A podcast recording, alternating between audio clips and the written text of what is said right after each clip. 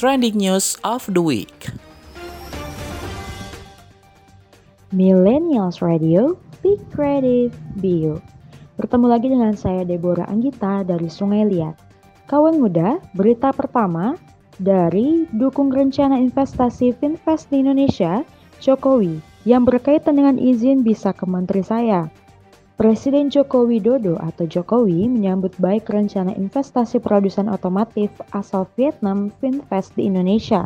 Hal ini diungkapkan Presiden saat bertemu dengan Chairman Finvest Pham Vuong di kantor Finvest di kota Haiphong, Vietnam Sabtu hari ini. Kami mendukung penuh rencana investasi Finvest di Indonesia.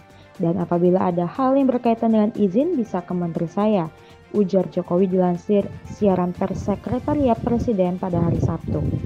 Setelah pertemuan Chairman Finvest, Presiden Jokowi juga berkesempatan untuk mengunjungi langsung pabrik mobil listrik Finvest.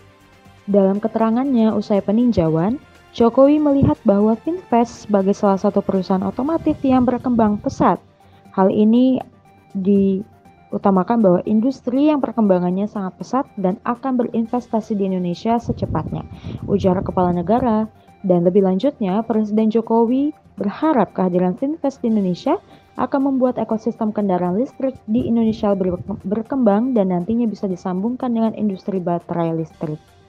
Dapat diharapkan dengan seringnya Kepala negara menyampaikan bahwa ekosistem besarnya ini akan segera terbangun dan chairman dari Finvest menyampaikan akan segera melakukan konstruksinya secepatnya.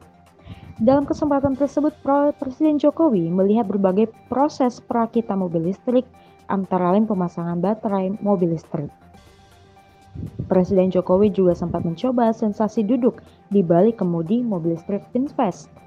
Turut mendampingi Presiden saat peninjauan di Finvest, yakni Menteri Luar Negeri Retno Marsudi, Menteri BUMN Erick Thohir, Menteri Perindustrian Agus Gumiwang Kartasasmita, Kepala Staf Kepresiden Muldoko, anggota Dewan Pertimbangan Presiden Gandhi Swistianto, dan Duta Besar Indonesia untuk Vietnam Denny Abdi.